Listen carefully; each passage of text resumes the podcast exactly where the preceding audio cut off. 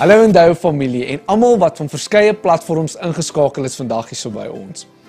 As ek vir jou sou sê om vir 'n dag lank niks te eet nie, teen die einde van die dag sê jy baie honger wees en jy sou sommer Burger King toe ry of enige plek waar jy kos kan kry. As ek vir jou sê om vir 'n week lank niks te eet nie, dan sê jy swak voel, jy sal moody wees en jy sal desperaat wees vir kos. Op daai selfde manier is dit so belangrik dat jy geestelik elke week jou kos inkry. So ek wil jou aanmoedig om ons daaglikse inspirerende boodskappe te kry deur in te skakel, deur jou naam na ons WhatsApp nommer toe te stuur of te subscribe in ons YouTube channel sodat jy elke week op hoogte kan bly van al ons boodskappe en so ook jou geestelike kos kan kry. Ons gaan nou 'n oomblik neem en ek wil hê daar waar ook al jy is, miskien lê jy in die bed of miskien sit jy op jou sitkamerbank, dat jy nou 'n oomblik sal stil raak en ons gaan ingaan in 'n tyd van aanbidding en worship. Onthou wat Jesus vir ons gesê het, daar kom 'n tyd en daai tyd is nou wanneer ons hom sal aanbid in gees en in waarheid. En daai plek is enige plek waar jy is. So daar waar jy nou is, kom ons staan op, kom ons sluit ons oë en kom ons loof en prys die Here saam met die band.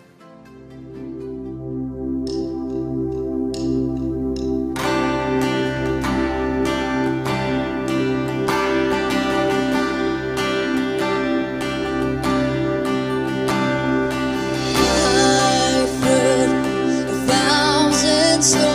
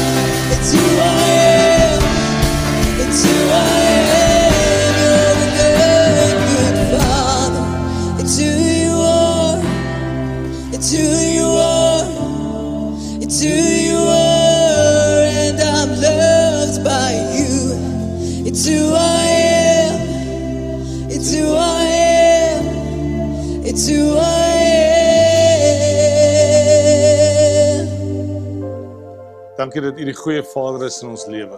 Dankie dat ons altyd die rede soek om U te wil aanbid. En net vanoggend ook te sê, You are the good good Father. That's who you are. En ons wil in hierdie oomblik voor U kom buig en erken dat U God is en dat U in beheer is, dat U ons lewens vashou en ons dankie daarvoor. Dat ons uit ons harte uit vanoggend kan sing en saam met die met die liedjieskrywer dit kan bevestig. U is 'n goeie God. U is die enigste. U is die waaragtige God. En dis ons gebed dat U vanoggend openbaar word in ons elkeen se lewens, in ons elkeen se harte. En dat wanneer ons om die woord sit, dat dit dan ook 'n impak op ons lewens sal hê. En ons dankie daarvoor in Jesus naam. Amen. Dankie dat jy vanoggend by Endeavour Kerk ingeskakel is. En ek glo dat met vanoggend se woord dat jy ook nie gaan kyk na die openbaring van die Heilige Gees in jou lewe. Ek praat vanoggend met jou oor verwelkom die Heilige Gees elke dag in jou lewe. As jy mense nooi om by jou te kom kuier dan word daar darm altyd so ietsie spesiaals gedoen. Maak seker die eetkamer is skoon en die tafel word mooi gedek en en en dalk word daar 'n blommetjie neergesit. Ehm uh, maar jy maak seker dat dat dit wat jy presenteer, dit wat jy neersit, dat dit 'n lekker gevoel gaan losmaak ook vir die kuier wat op pad is. Daar's so antisisipasie wat hang in die lug vir die samelag en die saamgesels en en die kuier wat wat gaan losbreek oor 'n halfuur of oor 'n uur. Ehm uh, en en en dan wanneer die oomblik aanbreek van saamkuier dan om die tafel dan is daar partykeer 'n hartsoomblik. Goed wat jy sal deel met met jou naby vriende of met jou familie wat jy dalk nie maklik sommer net in 'n ander gesprek sal uitlaat nie. En dit is oomblikke wat jy vir ewig wil bære in jou hart. Net so kom die Heilige Gees in ons lewe in. En dan wil die Heilige Gees rondom jou en my tafel kom sit. Die Heilige Gees wil sien dat ons so bietjie skoon maak, dat ons so bietjie wegsit, so bietjie ontslaa raak van goed wat maak dat ons hom, die Heilige Gees, partykeer kan mis in ons lewens. Dis wanneer hierdie oomblikke met die Heilige Gees aanbreek wat jy 'n hartsoomblik met hom kan deel. Wat jy 'n oomblik kan ervaar wat die Heilige Gees met jou praat en en jy eintlik iets hoor van die Vader se hart wat in jou geopenbaar word. Ek wil hê jy moet vanoggend dit raak sien wanneer jy sê ek verwelkom die Heilige Gees in my lewe dat dit 'n totaal ander pak, uh, uh, impak op jou lewe sal los. Nou sê Johannes 14 die volgende. Hy sê I will ask the Father and he will give you another helper. Maar dan kom die amplified en hy verduidelik so 'n bietjie wat is hierdie helper. Hy sê die volgende: Comforter, advocate, the intercessor, the counselor, the strengthener and standby.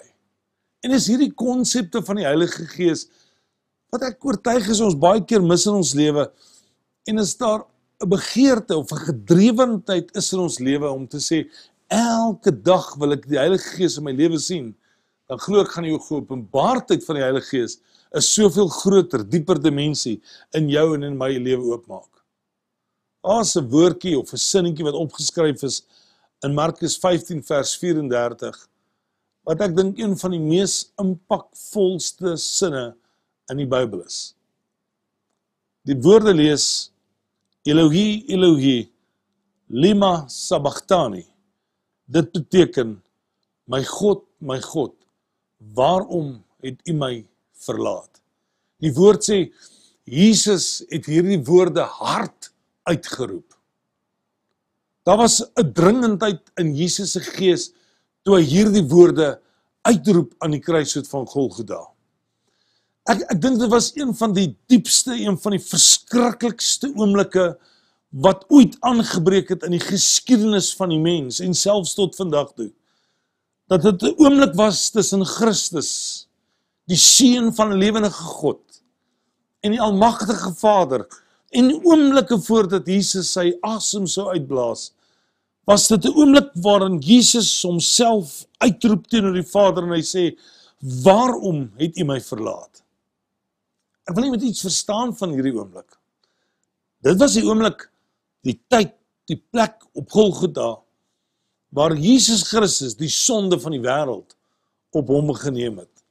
Toe hy die sonde van die wêreld op hom neem en die Heilige Gees van hom onttrek op daardie oomblik, toe sy alleen op Golgotha.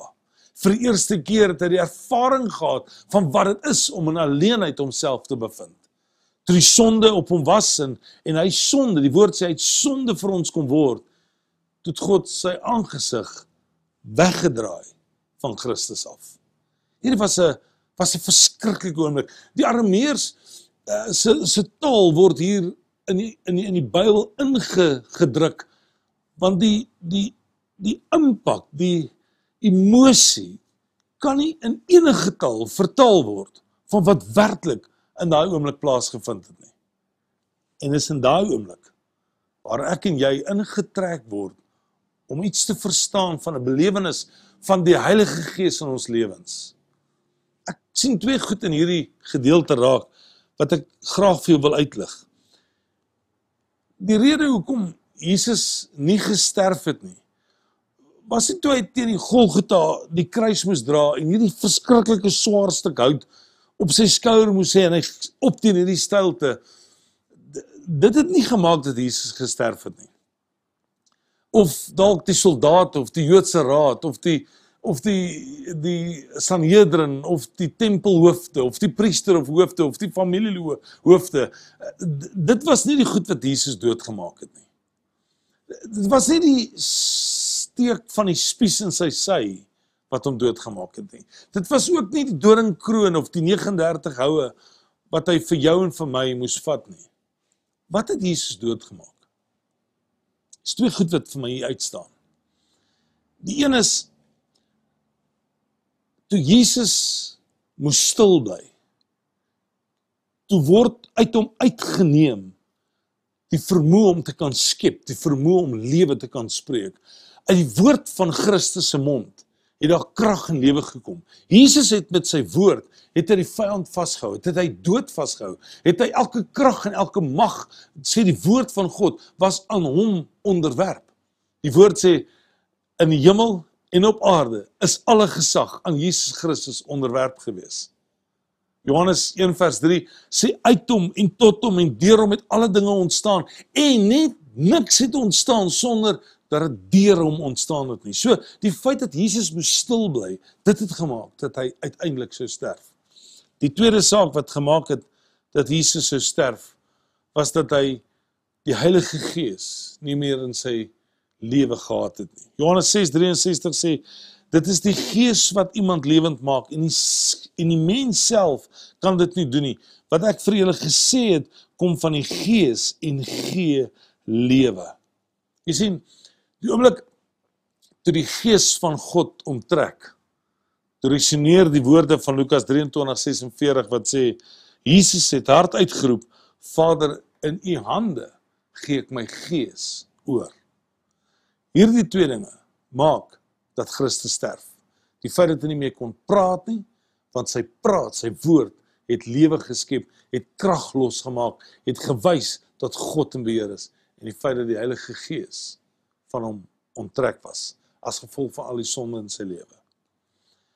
Weet jy, geestelike sterfte gebeur juis uit hierdie twee dinge in jou lewe.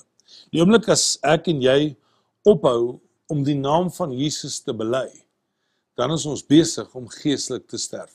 Liggaamlik sal ons almal op eendag op 'n eendag sal ons sterf.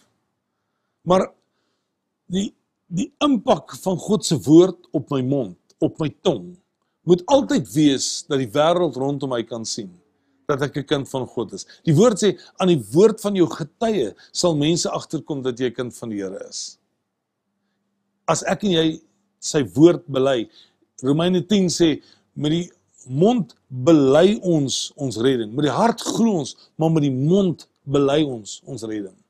Jy sien, jou, jou getuienis, jou woord is besig om uit te gaan en dit is besig om grense te skuif. Paulus sê dit so mooi as hy sê ons is 'n oop brief vir die wêreld. 'n 'n brief wat die wêreld moet kan lees oor dit wat uit ons mond uitgaan. En dan die tweede manier van hoe jy geestelik kan sterf is as jy die Heilige Gees begin te verwaarloos in jou lewe. Solank ons die Heilige Gees in ons lewe het, En die Heilige Gees is betrokke en ons en ons laat hom toe om rondom hierdie tafel van ons te kom sit en hy word the helper, the comforter, the advocate, the intercessor, the counselor, the strengthener, the standby. Hy kom word hierdie een wat in my lewe instap en ek verwelkom hom elke dag en ek sê Heilige Gees, kom kommunikeer met my sodat ek die hart van God kan sien en kan verstaan. Dan word dit vir my lekker om elke dag te kan sê Die Heilige Gees vorm deel van my lewe. Ek het hom verwelkom. Ek het hom ingetrek in my lewe. Ek wil vandag sê die kerk sal nie doodgaan nie. Solank die kerk die woord van God bly spreek en solank die kerk die Heilige Gees verwelkom in ons midde en na buite en waar ons kerk moet wees, dan glo ek selfs na corona uh, uh, virus na COVID-19 dan sal daar 'n groot um ontploffing wees van dit wat God gaan doen deur sy kerk. Nooit in die geskiedenis het die kerk na 'n wêreldramp of 'n terugslag het die kerk teruggesak nie. Die kerk het elke keer sterker daaruit gekom. En net so glo ek, gaan die kerk ook groei en die kerk gaan ontwikkel en die kerk gaan dalk 'n nuwe maniere om self uitleef vir die toekoms. Maar ons gaan besig wees om elke volk en elke stam en elke nasie en elke taal te laat hoor van wat Jesus Christus in ons lewens is. Jy sien Jesus het naak aan die kruis gehang. Ons kry baie keer die die sonnaskool beeld van Jesus wat aan die kruis hang, hang met so so 'n bietjie klere aan, maar maar eintlik was hy naak aan die kruis. Hy was die tweede Adam. Die eerste Adam wat ons vind in in die paradys loop saam met Eva naak in die in die paradys rond en en dan sondig hulle. En wanneer hulle sondig dan ontbloot die Heilige Gees hulle naaktheid. Die woord sê die skille het van hulle oë afgeval en hulle het ontdek dat hulle naak was. Hulle het skaam gekry vir mekaar en en hulle het met vye klere, vye blare hulle self probeer toemaak. En dan kom die woord in Genesis 3 vers 8 en hy sê hulle dis Adam en Eva het gehoor hoe die Here God in die tuin wandel En teen die tyd dat die aandwind opkom, met ander woorde die teenwoordigheid, hulle het God aangevoel. En die mens en sy vrou het vir die Here God weggekruip tussen die bome van die tuin. Sien die oomblik wanneer die Heilige Gees in jou lewe instap, dan hoor ons die geopenbaardheid, ons sien die grootheid, ons sien hoe die advocate, hoe die strengthener, the helper, the comforter, hoe hy instap in jou lewe en hoe hy alles kom nuut maak, maar wat die Heilige Gees ook doen, is hy kom wys uit. Die Heilige Gees kom wys uit goed wat in my lewe gebeur wat nie reg is nie, goed wat moet verander, goed wat ek om hierdie tafel met die Heilige Gees sit en bespreek en dan sê die Heilige Gees kap af los, kry klaar, stap daarvan af weg en kom by 'n plek uit waar jy elke dag die ervaring het van hoe lekker dit is dat die Heilige Gees deel vorm van jou lewe. Weet jy om net kerk toe te gaan is nie genoeg nie. Ek dink nou na 9 weke se uh, lockdown besef ons soveel meer die vraag wat altyd gevra was, wat sou die mense doen as die kerk se deure moes toemaak? Ons kom in die afgelope tyd agter dat die mense roep na die kerk, dat die mense soek daarna om saam God te aanbid en God te loof. Maar as dit vir jou net gaan oor nog 'n bietjie bid of nog 'n bietjie sing, dan mis jy die hele punt. Die Heilige Gees is soveel meer as dit. Die Heilige Gees wil instap en hy wil nie sien dat hy deel is van 'n daaglikse ritueel nie, maar dat hy moet deel vorm van 'n lewensveranderende moment in jou lewe. Dat jy kan sê God is groot en en dat jy elke dag die impak van God se Gees in jou lewe kan beleef.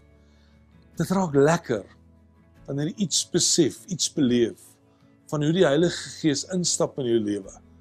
En hy en hy jou lewe vir jou kom nuut maak dit raak 'n nuwe ervaring wanneer die Heilige Gees instap en jy agterkom, hy wys uit. Jy kom agter, daar's goed in jou lewe wat wat nog moet verander dat jy kan sê ek het meer en meer kom word soos hy. Hoe verwelkom ek die Heilige Gees in my lewe? In Genesis 8 kry ons die bekendheid van die duif wat vergelyk word met die Heilige Gees. Onthou wat in die Ou Testament gebeur het word altyd uitgewys sodat ons iets daarvan sou kon deurtrek ook in 'n Nuwe Testamentiese gebeurtenis. Die duif is die tipe van die Heilige Gees. En en die woord sê Noag het die venster oopgemaak en het die duif laat uitvlieg om te gaan kyk of daar droë land was. En die duif het teruggekeer omdat hy nie droë land gevind het nie en hy het teruggekom na die veiligheid van die ark waarin Noag hom homself bevind het. Noag en sy familie ehm um, wat saam met hom in die ark was. Jy sien die Heilige Gees sal altyd welkom wees wanneer ek en jy toelaat dat hy dat hy veilig kan voel in ons huis, in ons tuiste. Die woord sê in Genesis 8 verse 9 amplified, so Noah he reached out his hand and took the dove and brought her into the ark. Die skrif verklaar toe Jesus gedoop was, het die Heilige Gees op hom neergedaal en dit het op hom gebly.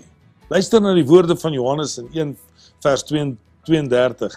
Hy sê ek het duidelik die Gees soos 'n duif uit die hemel sien kom en hy het op hom gebly. Die duif, die Heilige Gees het op Jesus gebly. Hoe maak ek die Heilige Gees elke dag deel van my lewe? Hoe bly die Heilige Gees elke dag in my lewe? dit kan nie net 'n aanraking wees nie. Uh Psalm 121 sê hy wat skuilings vind by die Allerhoogste en vertoef in die skaduwee van die Almagtige. Jy, jy sien ons wil baie keer die Heilige Gees beleef, ons wil sy krag sien, maar maar eintlik moet dit na 'n plek toe gaan waar hy sê ek wil inskuif. Ek wil gaan vertoef sodat die Heilige Gees op my kan bly. Die Engels praat van 'n habitation, 'n habitual plek waarna toe jy gaan sodat God se teenwoordigheid, God se Heilige Gees deel kan vorm van jou lewe. Daar was geen plek vir die duif om sy voete kon laat rus nie en die woord sê hy teruggekeer met 'n olyftak in sy mond. En hierdie olyftak is is is 'n tipe van die olie van die salwing van die Heilige Gees. Jy, jy sien uit 'n olyfboom uit kom daar olyfolie. En in die Ou Testament en in die Nuwe Testament het mense in 'n bak gaan staan en dan was daar olie oor hulle gegooi. En wanneer hierdie olie oor hulle gegooi was, was dit om te sê ons salf jou met die Heilige Gees. Ons salf jou met olie. En wanneer jy met hierdie salwing, met hierdie gesalfde lyf, met hierdie olie lyf daar uit die bad uitgeklim het, dan het jy met 'n vaste wete rondgeloop en gesê ek is gesalf. Die olie van God is oor my uitgegooi. As Dawid dit bid in Psalm 23 en hy sê, "U maak my hoof vet met olie, my beker loop oor, het hy verwys na hierdie impak van wat die olie, die salwing, die krag van God se Heilige Gees was op sy lewe. sien ek wil vandag hê jy moet weet dit is die teken gewees van lewe wat gebeur. Die oomblik toe daai olyf takkie in sy mond is en die duif eintlik kom aankondig Noag daar's weer lewe daar buite Die oomblik wanneer jy die Heilige Gees in jou lewe toelating gee, dan is dit 'n plek van nuwe krag, nuwe hoop, nuwe geloof wat ontstaan in jou lewe en jy sê Here, dankie, die storm is verby. God wat aankondig, die Heilige Gees stap in jou lewe in. En wanneer die Heilige Gees instap, dan kom hy om vir jou te sê, daar is hoop in Christus. Dan kom hy om vir jou te sê, I will comfort you, I will help you, I will strengthen you, I will be your advocate, I will stand by you. Luister, as jy die Heilige Gees deel maak van jou lewe, as jy hom kom verwelkom vandag, dan is daar 'n nuwe lewe wat vir jou oopbreek. Dan roep jy uit en sê, kanker het geen hou vas op my nie. Dan kyk ons na die na die impak van COVID-19 en ons sê, weet jy wat COVID-19, jy's dalk 'n setback, maar is net vir my 'n setup dat God se naam verheerlik kan word. Dan kyk jy na omstandighede in jou lewe en jy sê, omdat die Heilige Gees deel is van my lewe, sien 'n kans. Ek kyk uit vir môre want ek weet God is deel van my lewe. Romeine 8:26 sê, die Gees staan ons ook in ons swakheid by. Ons weet nie wat en hoe ons behoort te bid nie, maar die Gees self pleit vir ons met versigtings wat nie met woorde gesê word nie.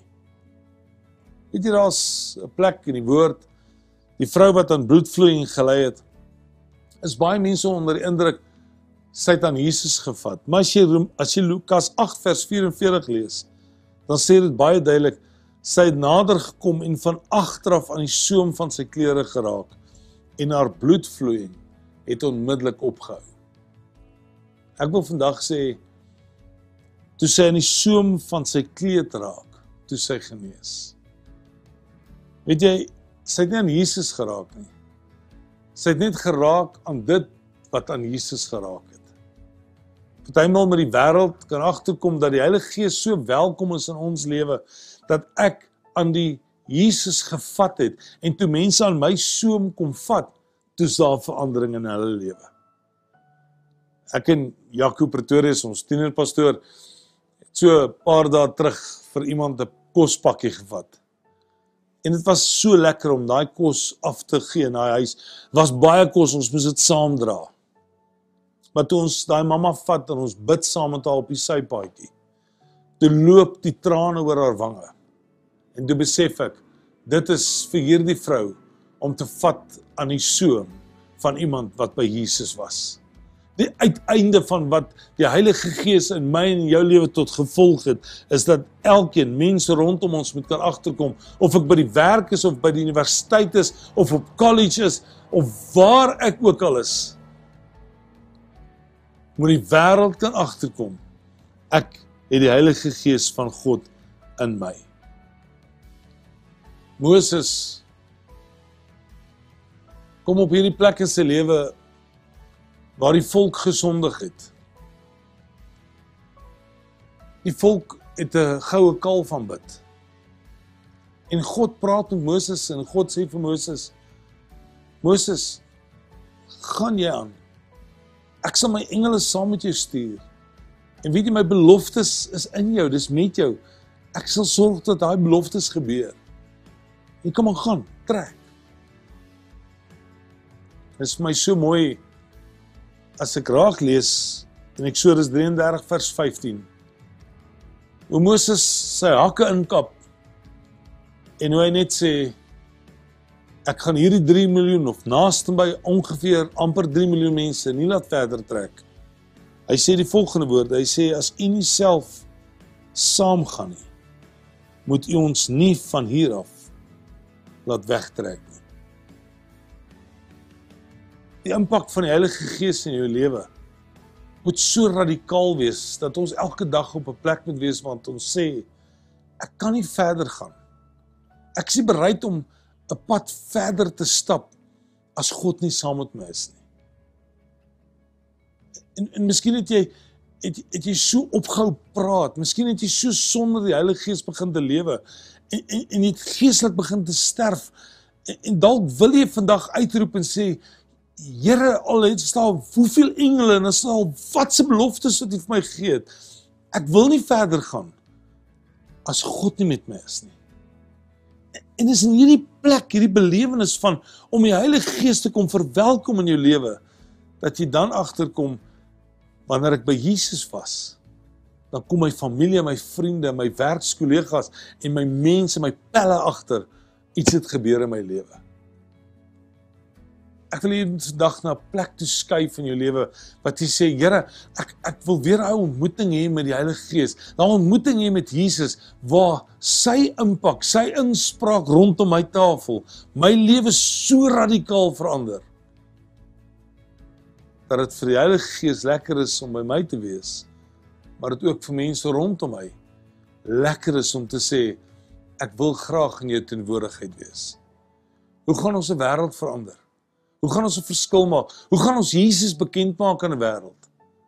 As ek en jy by die Heilige Gees was, as ons toegelaat het dat hy in ons lewens ingestap het en dan word daar vrug in my lewe geopenbaar dat mense kan raak sien dat Jesus die eerste en die alles is in my lewe. Ek nooi jou vandag. Nooi die Heilige Gees in jou lewe in.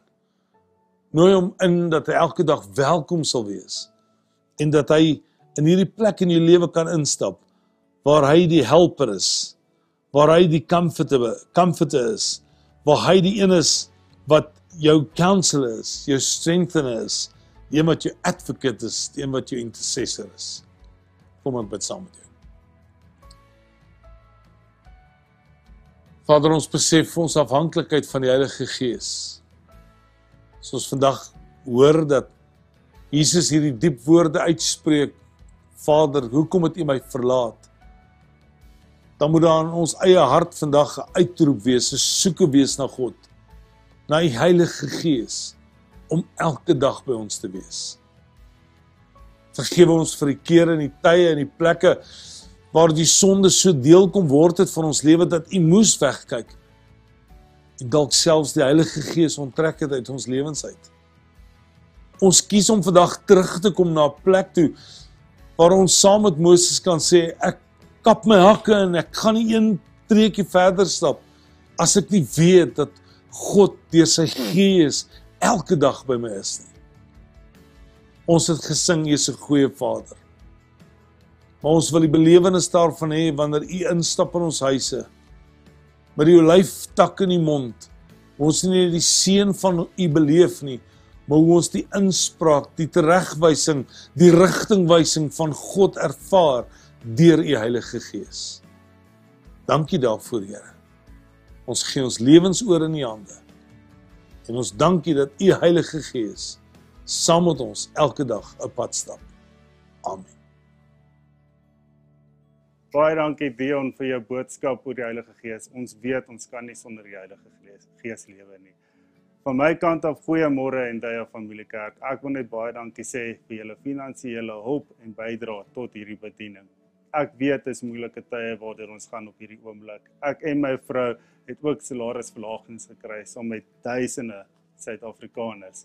Maar ons weet, ons is nie afhanklik van die wêreld se ekonomie nie, maar wel van God se ekonomie en ons hou vas in ons geloof wat ons het in Christus want ons weet en ons glo dat die Here gaan deurkom finansiëel in die naam van Jesus. Inteendeel, wanneer dit kom by tieners en offergawes, het ek die besluit geneem om my tieners af te trek van my oorspronklike salaris en nie van my ou salaris nie want ek kan nie toelaat dat die vyand nog ietsie van ons sal wegvat nie. En jy kan my nou dalk vra son maar hoe hoe bly ek positief in hierdie moeilike tye? En die antwoord is eintlik baie maklik. Van dag 1 af met hierdie lockdown, letterlik van dag 1 af, het Endeie Familiekerk elke liewe dag 'n bemoedigingsboodskap uitgestuur met skrif en gebed. En die en die Bybel is baie duidelik daarop trend dat ons sulke bedieninge moet ondersteun en ek lees vir julle uit Galasiërs 6 vers 6. Iemand wat onderrig ontvang in die woord van God, moet sy leermeester laat deel in die goeie dinge wat hy het. En ek wil net vra daar waar julle nou sit of jy nou alleen is of met jou familie is, steek net jou hande uit en ek wil graag net julle bless en 'n blessing oor julle uitspreek. Hemelvader, ek kom vanoggend in die naam van Jesus Christus, Here, vir elke persoon en vir elke gesin wat vanoggend daar sit, Here, bid ek en ek vra Here dat U sal voorsien daar waar hulle die meeste nodig het, Here. So baie voorsien, Here, dat hulle ook 'n blessing kan wees vir die ander mense daar buite in die naam van Jesus, Here. Baie dankie julle. Al die bankbesonde Here is op die skerm en ek glo en ek hoop julle het 'n lekker Sondag wat voor lê.